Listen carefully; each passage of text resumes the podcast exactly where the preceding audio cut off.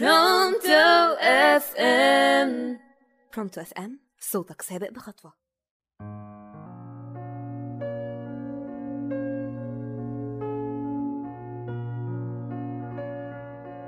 كل واحد فينا جواه صندوق كبير. طول ما هو ماشي في رحلة الحياة بيشيل فيه أحداث شخصيات صور مواقف سلبية كانت أو إيجابية. بنفضل نشيل فيه ونخزن لغاية ما الصندوق يتملي ويبقى ولا صندوق الكراكيب. وبدل ما الصندوق يبقى مخزون خبرات وسند لينا في رحلة الحياة بيتحول لعب. لا مننا عارفين نشيله ولا عارفين نتخلص منه. وبسبب إيقاع الحياة السريع اللي واخدنا في وشه وطاير محدش فينا قادر ياخد نفسه ويعمل فلترة لصندوق كراكيب. وأنا كمان زيكم بالظبط عالي من حالكم.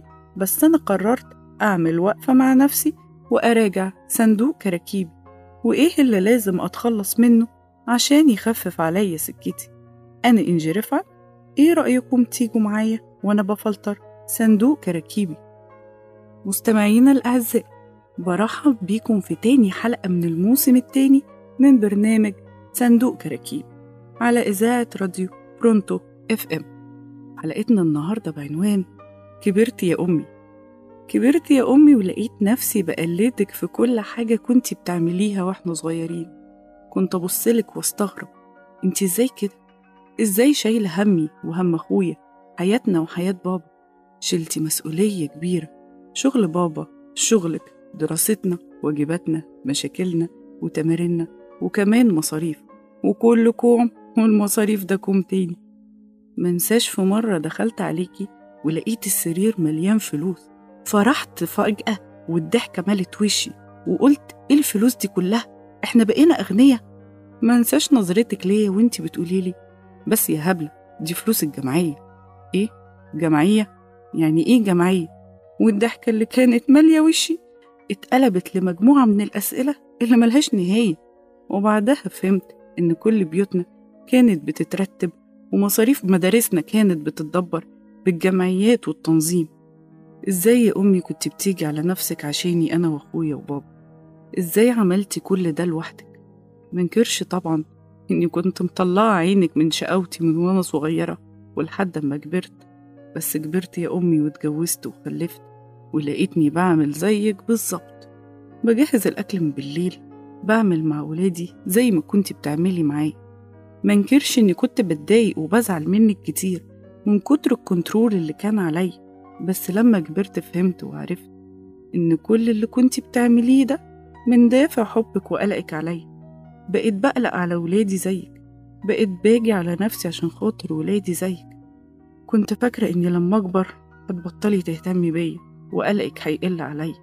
بس حتى لما كبرت يا أمي وإنتي شايلة همي وزاد كمان عليهم شلتي هم ولادي.